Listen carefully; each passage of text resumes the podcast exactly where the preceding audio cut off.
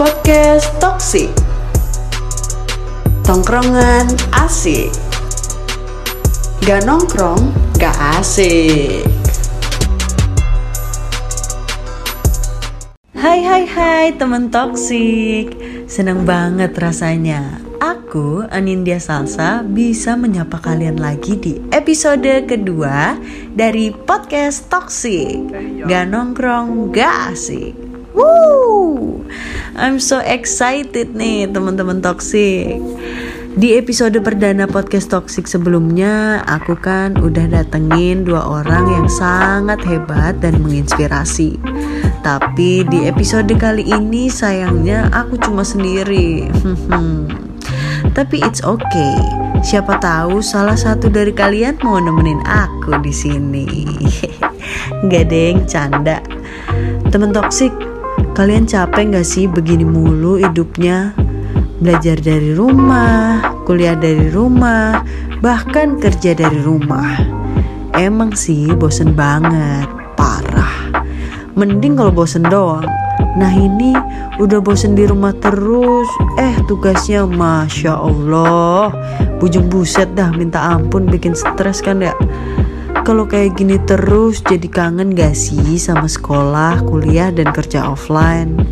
Pastinya kangen lah ya. Aku sih mendingan harus pergi ke kampus walau capek tapi ketemu teman-teman. Jadi stresnya tuh gak berasa gitu. Tapi teman toksik, katanya mulai Januari ini kita akan mulai sekolah dan kuliah offline lagi loh.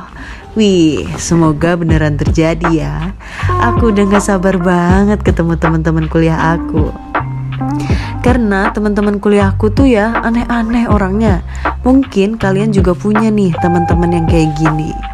Biar gak kangen, jadi hari ini aku bakalan bahas tipe-tipe temen di perkuliahan. Nah, langsung aja kita bahas teman yang pertama. Si tidur mahasiswa ini nih udah kayak mindahin kosan ke kampus gitu. Jadi dia tuh kerjanya cuma tidur doang di kelas.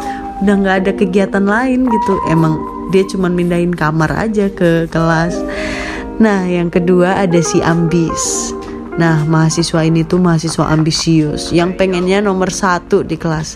Pokoknya kalau dia dapat nilai jelek tuh kecewanya udah kayak mau mati. Padahal nilai jeleknya menurut dia itu 80 gitu tuh udah jelek. Padahal kalau aku nih ya dapat 80 tuh udah nilai yang bagus banget. Dia tuh dapat nilai 80 udah langsung kayak aduh ya ampun kenapa ya aku? Salah apa ya tugasnya? Kok aku dapat segini doang? Ya Allah gak bersyukur banget dah jadi orang. Nah yang ketiga nih ada si bodoh amat mahasiswa ini tuh mahasiswa yang pikirannya ya udahlah mau lulus syukur nggak juga nggak apa-apa. Jadi dia tuh kalau ngerjain tugas tuh ya semaunya dia doang. Kalau dia lagi mood ngerjain tugas ya dia kerjain. Kalau enggak ya ya udah gitu. Pasrah. Pokoknya nih orang nih santuy hirup.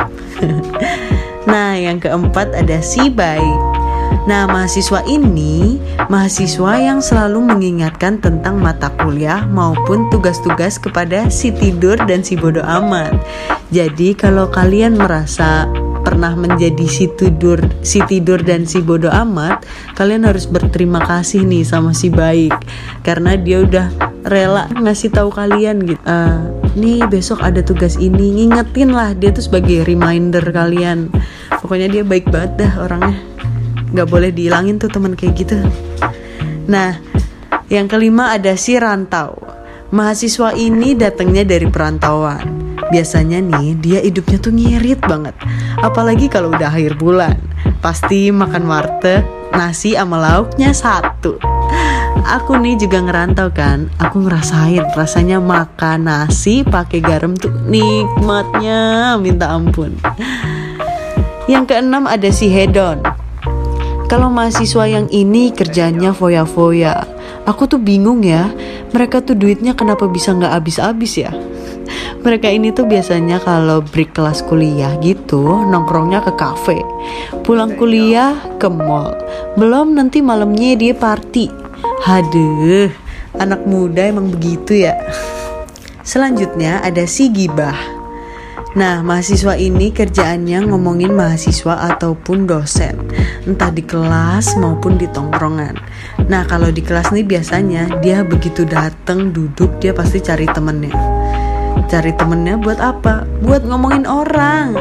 Dia pasti langsung ngomong, eh, eh kamu tahu nggak si dia nih bla bla bla bla bla bla bla udah deh dia udah langsung seru sendiri tuh sama temennya Terus yang kedelapan ada si curhat.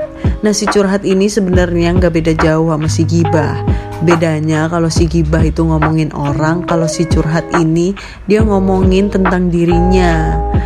Jadi dia cerita tentang hubungannya, mungkin nilai mata kuliahnya, uh, mungkin juga ceritain keluarganya. Tapi kadang yang bikin kesel dari si curhat ini, dia tuh pengen dikasihanin gitu seakan-akan dia kalau cerita tuh udah orang paling sedih deh di dunia ini. Gak apa-apa sih, kita sebagai teman yang baik harus dengerin. Dia mau cerita apa aja, kita harus dengerin dan kita harus tanggepin. Sebagai teman yang baik ya, kan harus kayak gitu. Nah yang kesembilan ada si bucin Ayo siapa yang pernah ngerasain jadi si bucin Jadi dia ke mana-mana tuh bareng pacarnya terus Mau ke kantin, mau ke mau praktikum mau apa. Kalau misalnya dia beda kelas tuh paling si cowoknya nih misal cowoknya udah selesai kelas udah kelar nih kelasnya. Si cewek ini belum kelar kelas si cowok pasti nungguin di depan kelasnya. Dia duduk aja nungguin si cewek keluar kelas. Nanti kalau ceweknya udah kelar udah deh jalan berdua lagi tuh. Pulang bareng goncengan ya kan? Uh, abis pulang kuliah dia mampir dulu makan bareng nge-story jadi liatnya tuh udah nih orang nempel banget kayak perangkok udah deh susah buat dipisahin. Ya nggak apa-apa lah ya selagi mereka bahagia ya kan? Nah yang ke 10 ada si kaku mahasiswa ini tuh mahasiswa yang sendirian terus. Dia tuh susah buat diajak gaul. Jadi uh, kadang nih kita sebagai orang yang aktif udah mencoba membuka omongan ya sama dia.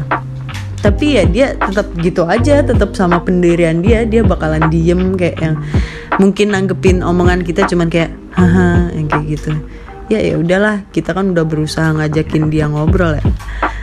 Nah yang ke sebelas ada si heboh mahasiswa ini tuh mahasiswa yang paling berisik. Jadi kita tuh udah tahu nih dari jauh kalau misalnya dia mau datang atau masuk ke kelas. Wah nih si dia nih datang nih. Karena dia tuh kalau datang tuh suaranya udah yang teriak-teriak kayak kita tuh udah tahu nih pasti. Yang ke-12 ada si Wibu. Mahasiswa pecinta anim yang sampai dibawa ke kehidupan nyata jadi obrolan mereka tuh cuma seputar anim terus. Nah, teman-temannya nih sama aja. Pasti mereka circle-nya tuh sama si wibu-wibu juga. Jadi ya gitu deh. Mereka biasanya kalau datang ke kelas nih ciri-cirinya dia nunduk yang gak nunduk juga sih diem gitu orangnya dia orangnya diem terus pakai headset ya kan cuek kayak gitu kadang juga pakai hoodie terus pakai tas ransel tuh aduh ibu deh pokoknya. Yang ke-13 ada si caper. Mahasiswa ini mahasiswa yang sering nyari perhatian dosen biar lebih dikenal dosen dan berharap dapat nilai bagus.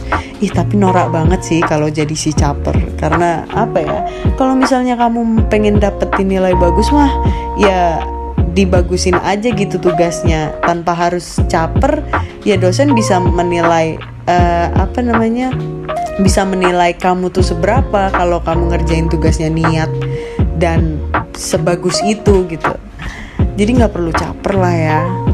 Nah yang terakhir ada si veteran. Nah mahasiswa ini tuh mahasiswa lusuh yang pikirannya tuh cuma gue pengen lulus gue pengen lulus. Karena dia tuh udah terlalu lama di kampus itu. Mungkin karyawan di kampus itu udah sampai berganti-ganti dia masih tetap di situ. Udah deh itu dia tuh udah pasrah banget pokoknya orangnya. Nah itu dia tipe-tipe temen kuliah yang aku punya. Gimana? Kalian juga punya nggak teman-teman kuliah yang kayak gitu? Huh jadi makin kangen ya cerita dikit nih tentang pengalaman aku di kuliah. Jadi aku tuh ya kan dari Semarang, aku tuh kan ngerantau. Nah hari pertama aku datang ke Bogor tuh setelah daftar ulang di IPB langsung ditinggal sama papa. Jadi aku tuh melongo kan ya pertama kali datang ke kota orang langsung ditinggal. Bingung nanti gimana makannya, ntar mau pergi ke mana naik apa, masih bingung gitu kayak orang linglung.